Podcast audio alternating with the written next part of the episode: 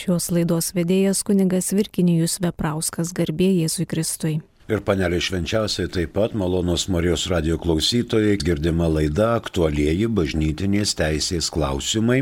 Pabaigsime šiandien skirsnelį apie pastoraciją ir pasirengimą santokos celebravimui. Prie 1071 kanono septintos minties apie tai, kad jei nėra būtinybės be vietos ordinaro leidimo, niekas neturi asistuoti per įgaliotinį sudaromai santuokai apie kurį kalbama 1105. Žodžiu, įgaliotinis ir santuoka yra ypatingas būdas ir siekiame, siekiama geriau pažinti priežastį, dėl ko šita santuoka yra sudarinėjama būtent per įgaliotinį, o ne tiesiogiai. 1105. Keturi paragrafai galiojančiam santoko sudarimui per įgaliotinį reikalaujama, kad būtų specialus įgaliojimas sudaryti su konkrečiu asmeniu kad įgaliotinis būtų paskirtas paties įgaliotojo ir kad atliktų savo pareigą asmeniškai. Kad įgaliojimas galiotų, jis turi būti pasirašytas įgaliotojo ir be to klebono arba vietos, kurioje išduodamas įgaliojimas ordinaro arba vieno iš jų deleguoto kunigo arba bent dviejų liudininkų arba turi būti sudarytas kaip autentiškas dokumentas pagal civilinės teisės normą. Jei įgaliotojas nemoka rašyti, tai turi būti pažymėta pačiame įgaliojime ir turi būti pakviestas dar vienas liudininkas, kuris pats pasirašytų raštą, priešingo atveju įgaliojimas negalioja. Jei įgaliotojas prieš įgaliotinį jo vardu sudarant santuoką įgaliojimą atšaukia arba susirga silpna protystė, santuoka negalioja, net jei to nežino tiek įgaliotinis, tiek kita besituokianti šalis. 1917 m. kanonų kodekse tai buvo atitikmuo 1091. Dabar dar prie antrojo paragrafo 1071 1125 vietos ordinaras gali suteikti mišriai santokai tokį leidimą, jei yra teisėta ir protinga priežastis. Negali suteikti, jei nėra įvykdytos šios sąlygos. Katalikiškoji šalis turi patvirtinti, kad yra pasirengusi pašalinti pavojus prarasti tikėjimą ir nuoširdžiai pažadėti padaryti viską, kas nuo jos priklauso, kad visi vaikai būtų krikštyjami ir auklėjami katalikų bažnyčioje. Apie tuos pažadus, kuriuos privalo duoti katalikiškoji šalis, laiku turi būti informuota antroji šalis, taip, kad būtų aišku, jog jai iš tiesų žinoma apie katalikiškosios šalies pažadą ir įsipareigojimą. Abiem šalims turi būti išaiškinti santuokos tikslai ir esminės savybės, kurių negali atmesti nei vienas iš besituokiančiųjų.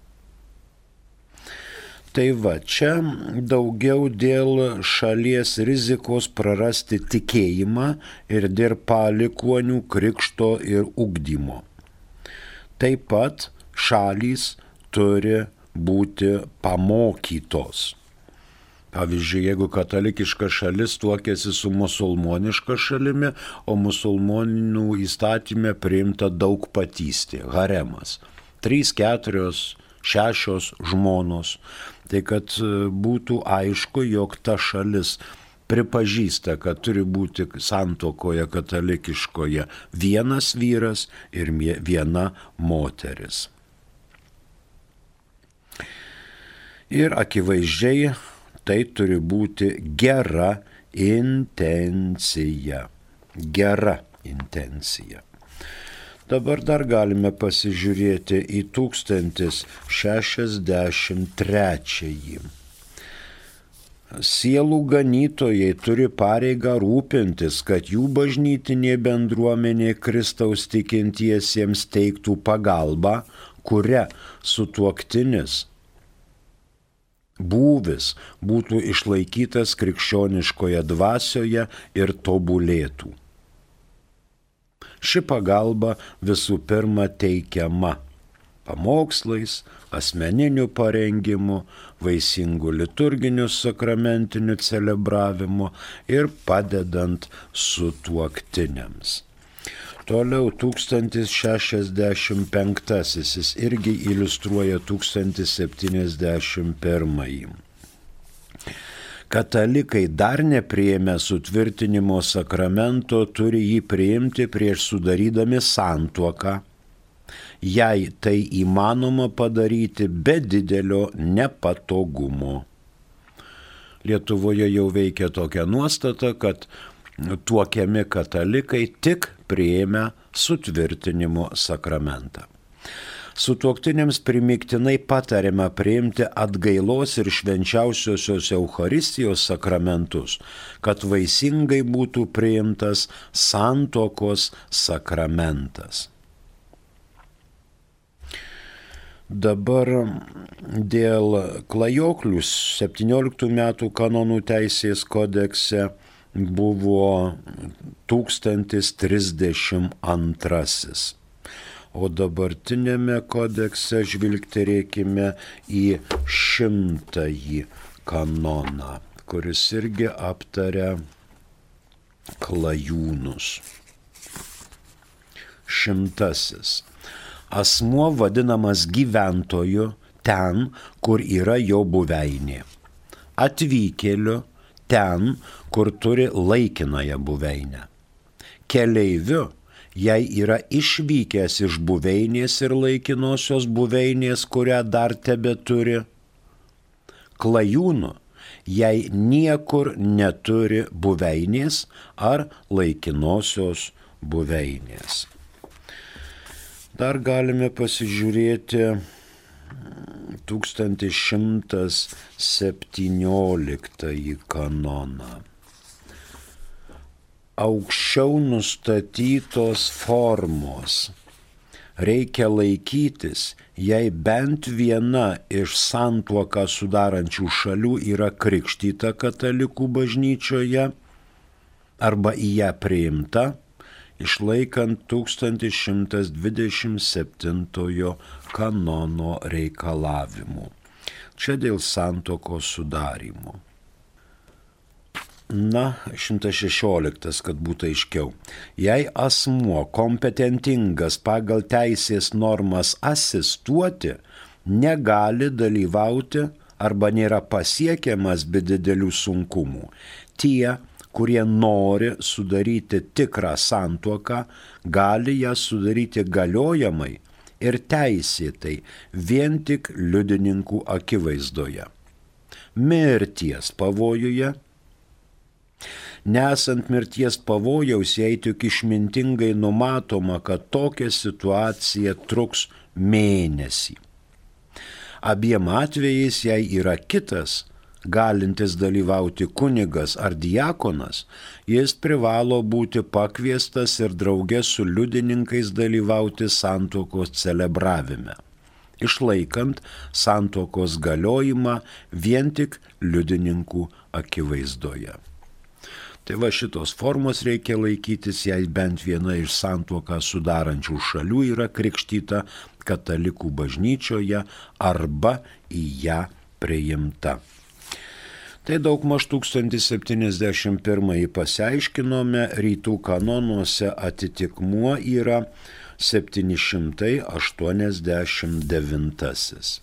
Šį 1071 fiksuojame. Jei nėra būtinybės, be vietos ordinaro leidimo niekas neturi asistuoti. Klajūnų santuokai, santuokai, kuri negali būti pripažinta ar sudaryta pagal civilinių įstatymų normą, santuokai to, kuris saistomas prigimtinių iš ankstesnio ryšio atsiradusių pareigų kitai šaliai ir vaikams, santuokai to, kuris akivaizdžiai atsisakė katalikų tikėjimo, santuokai to, kuris varžomas cenzūros, nepilnamečio santuokai, kai apie ją nežino, ar pagrįstai priešinasi tėvai, per įgaliotinį sudaromai santuokai, apie kurį kalbama, apie kurią kalbama 1105 kanone vietos ordinaras neturi suteikti leidimų asistuoti santuokai to, kuris akivaizdžiai atsisakė katalikų tikėjimo, nebent būtų laikomasi deramai atsižvelgiant normų, apie kurias kalbama 1125 kanone. Jį neseniai perskaitėm. Na ir paskutinis šios skirelio skirsnio kanonas 1072. Pastoracija ir pasirengimas santokos celebravimui. Sielų ganytojai turi rūpintis, atkalbėti nuo santokos sudarimo jaunuolius, nesulaukusius amžiaus, kurio esant pagal regiono papročius įprasta sudaryti santuoką. Jeigu tokio amžiaus nesulauki, pagal regiono papročius sielų ganytojai turi rūpintis atkalbėti nuo santokos sudarimo. Čia daugmaž žiūrima į jaunimą. Dėl jauno amžiaus nepakankamai subrendusio asmens ketinimą sudaryti santuoką. Taip, žinoma, sielų ganytojai nori išvengti ateityje galimo konflikto. Sielovadininko turi, veiksmai turi būti atkalbėti tokių jaunuolių santuoką. Dar turima turėti omenyje vietos tradicijas arba vietos papročius. Vienaip žmonės bręsta anksčiau žinoma rytų šalyse, Afrikoje, kitaip žmonės bręsta ir yra tinkami santuokai šiauriniuose šalyse. Todėl čia yra taip žvelgiama net ir į civilinius įstatymus. Klebonas, darydamas prieš santokinę apklausą, visą tai išsiaiškina. Pas mus Lietuvoje pagal civilinius įstatymus galima sudaryti santuoką nuo 18 metų amžiaus. Pagal bažnytinę teisę mergina gali tekėti nuo 14 amžių, vaikinas nuo 16 metų amžiaus ir tai bus leistina ir teisėta. Bet jeigu valstybė prieimė įstatymą, kad nuo 18 metų, reiškia nuo 18 metų. Nebent yra teismo sprendimas leidžiantis dėl vienų ar kitų aplinkybių šitą amžių trumpinti. 1072 rytų kanonuose atitikmens nėra. Fiksuojame. Sielų ganytojai turi rūpintis atkalbėti nuo santoko sudarimo jaunuolius, nesulaukusius amžiaus, kurio esant pagal regiono papročius įprasta sudaryti santuoką. Tai šitą skirsnelį pabaigėme, dabar eikime prie ardomųjų kliūčių bendrai. Ardomosios kliūtys. Kokios yra santuoką ardančios kliūtys? Kliūtys plačiai tai yra aplinkybės dėl asmens, santokinio sutikimo ar kanoninės formos kurios dėl dieviškosios ar bažnytinės teisės neleidžia galiojančiai ar leistinai sudaryti santokos. Tai yra plačiai. O čia šitas kanonas dabar mm, skirsnis bus apie tai, kas siaurai, reiškia draudžiamieji įstatymai visi aiškinami siaura prasme. Siaurai neleidžia galiojančiai sudaryti santokos.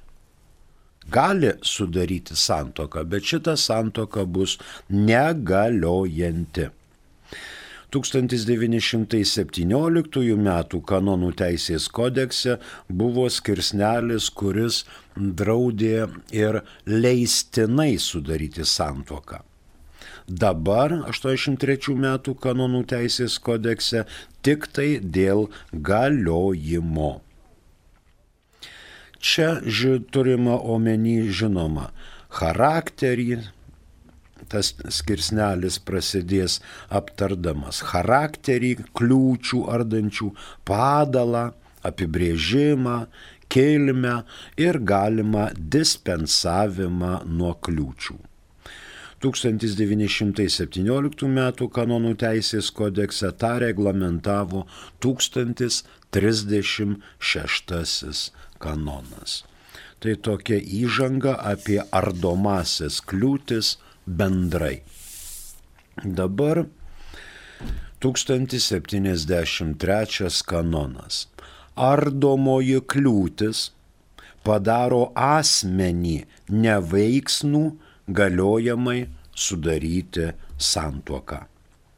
Šitas 1073 nėra aišku absoliutus, tačiau šis šio kanono veikmė yra ta, kad daro asmenį neveiksnų. Mums į pagalbą ateina dešimtasis kanonas. Niekinumą arba neveiksnumą nustatančiais laikytini tik tie įstatymai, kuriais aiškiai nustatoma, kad aktas yra niekinis arba asmuo neveiksnus. Dar galima žvilgterėti ir į 18 kanoną. Įstatymai nustatantys bausmę ribojantys laisvą naudojimąsi teisėmis arba nustatantys įstatymo išimti aiškinami siaurąją prasme. Būtent ir šitas. 1073. Ardomoji kliūtis čia išvardinta asmenį padaro neveiksnų galiojamai sudaryti santuoką. Mums gali atrodyti įdomus 1058. Santuoką gali sudaryti visi, kuriems to nedraudžia teisė. Na ir vėl grįžkim čia į pradžią prie 15 kanono pirmo paragrafo dėl nežinojimo niekinumą ar neveiksnumą nustatančių įstatymų nežinojimas arba klaida nekliudo jų padariniams atsirasti, nebent aiškiai būtų nustatyta kitaip. Negali būti, kad nežinojau taip kaip ir civilinėse įstatymuose. Įstatymų nežinojimas net leidžia nuo bausmės, nuo vykdymo. Dabar tik tai šito kanoną 1073 aiškinant reikia žinoti, kad pavyzdžiui kliūtys ardančios, kliū... mums paskambino, prašom. Pastovus klausytojas paskambino. Mhm. Klauskit. E, taip, noriu paklausti garbui kalbėtoje, reiškia, tokį dalyką. Ar įmanoma pagal dabartinius kanonus, noriu jaunuoliai du susivinčiavoti, viena yra vahabitka, pilnametė ir katalikas. Ar galėtų, sakykime, tokios dviejų skirtingų konfesijų Rabaščius, Karmėlovas, Klebonas ir Prauskas juos suvinčiavoti. Toks būtų paklausimas. Ačiū. Iš principo taip. Ačiū. Dabar apie ardomas kliūtis kalbame toliau.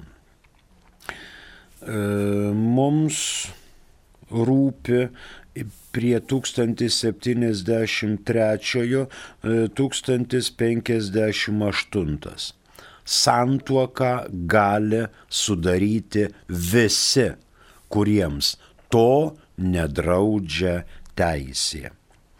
Tik reikia žiūrėti į kliūtis. Pavyzdžiui, vienas dalykas yra kliūtis, tarkim, lytinis nepajėgumas, kai asmuo yra negebantis atlikti lytinio akto.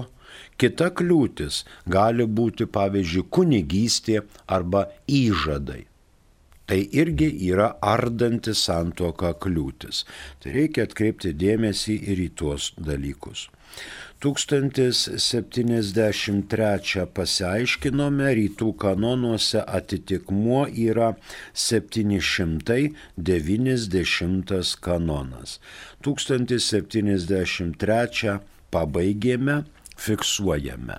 Ardomoji kliūtis padaro asmenį neveiksnų galiojamai sudaryti santoką. Mus pasiekė esame žinutė, prašom. Ar galioja santuoka, jei nepavyksta iki galo atlikti lytinio akto dėl nepakankamos potencijos, ar tokia santuoka įsigaliojo? Čia yra keli klausimai vienoj vietoj. Santuoka galioja tol, kol gyvi yra abu sutuoktiniai. Kai vienas iš sutuoktinių jau yra aukštybėse, tada šita santoka nebegalioja, žmogus tampa laisvas. O dabar gali būti, kad santokoje nepavyksta iki galo atlikti lytinio akto dėl nepakankamos potencijos. O kodėl tokia santoka gali būti negaliojanti, jeigu ji tenkina abi šalis ir niekas neužginčia? Abiem 79 metai su pusė. Na ir lytinis aktas iki galo, kaip jūs rašote, nėra atliekamas. Bet abi dvi, abi pusės tai tenkina. Kodėl šita santoka turėtų būti negaliojanti? Galiojanti. Nebent, jeigu vienam 79,5, o kitam asmeniui 29,5 metų, na tai tada kažkas matomai, galbūt, galimai, tikriausiai yra neužganėdintas ir gali tada pradėti mm, ginčius dėl santokos galiojimų. Ačiū. Dar vienas yra klausimas, prašau. Ar galioja santuoka, jeigu žmona nori, bet netrokšta vaikų, linkusi atidėti neštumą? Žmona nori, bet netrokšta vaikų. O žmona ir vyras turėtų būti atviri vaikams kad nereikėtų laižyti medaus per stiklą. Abi šalys, tiek vyras, tiek moteris, turi būti atviri priimti gyvybę pagal Dievo valią ir nedaryti kliūčių vaikų pradėjimui, gimdymui ir auklėjimui. Dabar netrokšta Nu, gali, gali žmona, kaip minėjau, būti 83 metų amžiaus ir labai trokšti ir norėti vaikų. Trokšti ir norėti. Ir labai labai norėti ir labai labai trokšti. Bet ar šitas noras ir troškimas yra suderinami su kitais dalykais? Ji gali būti linkusi netgi atidėti neštumą. Tam yra mm, krikščioniškų priemonių. Natūralus palikonių planavimas.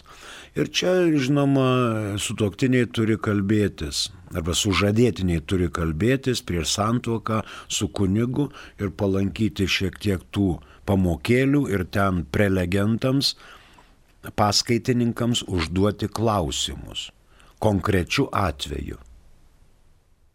Ne taip, kad žmona nori, trokšta, reikia žiūrėti į socialinę padėtį, į asmenų amžių, į, į, į kitus dalykus, reiškia, taip, taip, taip. Tada būtų lengviau atsakyti. Primenu, kad ketvirtadieniais girdima laida aktualieji bažnytinės teisės klausimai. Dabar 1074 kanonas. Vieša laikoma kliūtis, kuri gali būti įrodyta išorinėje srityje. Kitu atveju yra slapta. Čia aptariama apie santuokinės kliūtis - viešas ir slaptas. Vieša kliūtis turi pagrindą. Tas pagrindas yra viešas faktas. Pavyzdžiui, svainystė, giminystė, šventimai, vieši iškilmingi įžadai ir kitka. Slapta neturi pagrindo viešo ir neįmanoma turbūt viešai kaž įrodyti. Pavyzdžiui, slapta kliūtis, kaip minėta, impotencija. Nežinai, yra ar nėra. Impotencija daro santuoką negaliojančią. Impotencija. Iš abiejų pusės, iš vienos pusės daro santoką negaliojančią. E, žinoma, nuo viešos ar slaptos skiriasi, kai kliūtis yra žinoma iš principo, bet tik tai vidinėje srityje. Tai nėra nei vieša, nei slapta. Tačiau ypatingų atveju galima ir dispensa. 1917 m. kanonų teisės kodekse reglamentavo 1037-1045 trečias paragrafas 1971 kanonas. Dabar galima dar prie šio 1074 aptarti apie nepasklidusią žinę. 1079.3. Mirties pavojuje nuodėm klausys turi galę dispensuoti nuo slaptų kliūčių vidinėje srityje tiek per sakramentinę išpažintį, tiek ne jos metu. Kitas 1080. Kiekvieną kartą išaiškėjus kliūčiai, kai jau viskas paruošta vestuvėms ir be galimo didelio blogio pavojaus negalima nukelti vestuvių, kol bus gauta dispensa iš kompetentingos valdžios, nuo visų kliūčių, įskyrus 78 e, nurodytas, galę dispensuoti turi vietos ordinaras. Ir jei atvejis būtų slaptas, visi, apie kuriuos kalbama 1079, laikantis ten nurodytų sąlygų. Ir 1081. Klebonas arba kunigas ar diakonas, apie kuriuos kalbame 1079-ame, nedelsdami privalo informuoti vietos ordinarą apie suteiktą dispensą išorinėje srityje. Ir ji turi būti pažymėta santuokų knygoje. mums paskambino, prašau. Klausytoja Užrinė. Labą dieną. Labą. Norėčiau paklausti, sakykime, kada tekėjau 19 metų aplamai apie santoką nelabai supratau. Trumpai draugavau su savo, sakykime, vyru trys mėnesius ir mama sakė, arba skirkitės, arba veskitės, ne? Ir sakau, kaip mama pasakysi, taip ir bus, ne? Ir mama sako, veskitės, nes, nu, kaip studentė čia galvoju, bus taip. Ir gavosi taip, kad sužinau, kad mano vyras žemės dėl, sakykime, turto kad jam reikėjo namo ir kada man buvo depresija, sakykime, jis e, pasakė ir norėjo padaryti tada ten, ta prasme, tu supūsti psichuškį ir namas visas bus man. Mhm. Ir, sakykime, iškvietė ta prasme, pamelavo, kad aš noriu nužudyti sūnų, iškvietė greitąją, iškvietė policiją ir buvo paruošta vieta, nu, sakykime, tik tai tas įvyko, kad tikybos mokytojas pasakė, kad atseit mano brolio netikybos mokytoja, kad aš jai paskambinu ir pasakiau, ir tada tuo metu policija ir greitoji susisiekė su ją ir jinai pasakė, ne, tikrai nesakė. Bet, nu, tai vad man tai sukliūdė, jam jis tada pabėgo. Šiaip dėl turto, sakykime, sužinojau vėliau ir kaip dabar man dėl panaikinimo va, va tokios visokios. Ir jam buvo trys smurto artimoje aplinkoje bylos, su kuriam visas įsisukė. O man, sakykime, buvo, nu, kaip, mat, kaip ta depresija ir, ir sužinojau, kad jis turėjo kitą. Kaip jau, nu, tik buvom vedę 19 metų. Aušrinė, labai ačiū už šitą klausimą. Visų pirma, trumpai atsakau taip. Būdamas teismo pirmininkas, aš priimčiau tavo prašymą dėl to, kad jūs tik tris mėnesius bendravote, dėl to, kad klausiai mamos, o neturėjai klausyti, tu priimi sprendimus, o ne kas nors už tave, tu jau esi pilnametė ir žinoma smurtas aplinkoje. Bet e, prašymė tu gali prisvaityti visokių nesąmonių, dar tu turi rasti tris liudininkus, kurie tą patvirtins, kad ir save daužė, kad smurtavo, kad ten vaikas, kad taip jau toj pat po santokos įvyko, kad prie santoką nebuvo pokalbio su kunigu, ne jau iš pažinties, ten buvo staigiai sutarta ir taip toliau ir taip toliau. Kreipkis į bažnytinį teismą, tegul tau padeda pradžiai klebonas parašyti prašymą Jeigu niekas nesutiks, aš nežinau, iš kokio tu Lietuvos kampo atsiradai, aš tau padėsiu parašyti prašymą, jeigu tu sutinki. Iš to, ką tu pasakėjai, jau teismo pirmininku būdamas, aš galiu imti drąsiai ir priimti šitą ieškinį. Bet tavo to žodžius reikia įvilgti į teisinę formą. O dabar baigiam mm, laidą. Dėkoju už pasitikėjimą ir klausimus jūsų Marijos radijai. Prie mikrofono dirbo kunigas Virginijus Veprauskas. Ačiū ir sudie.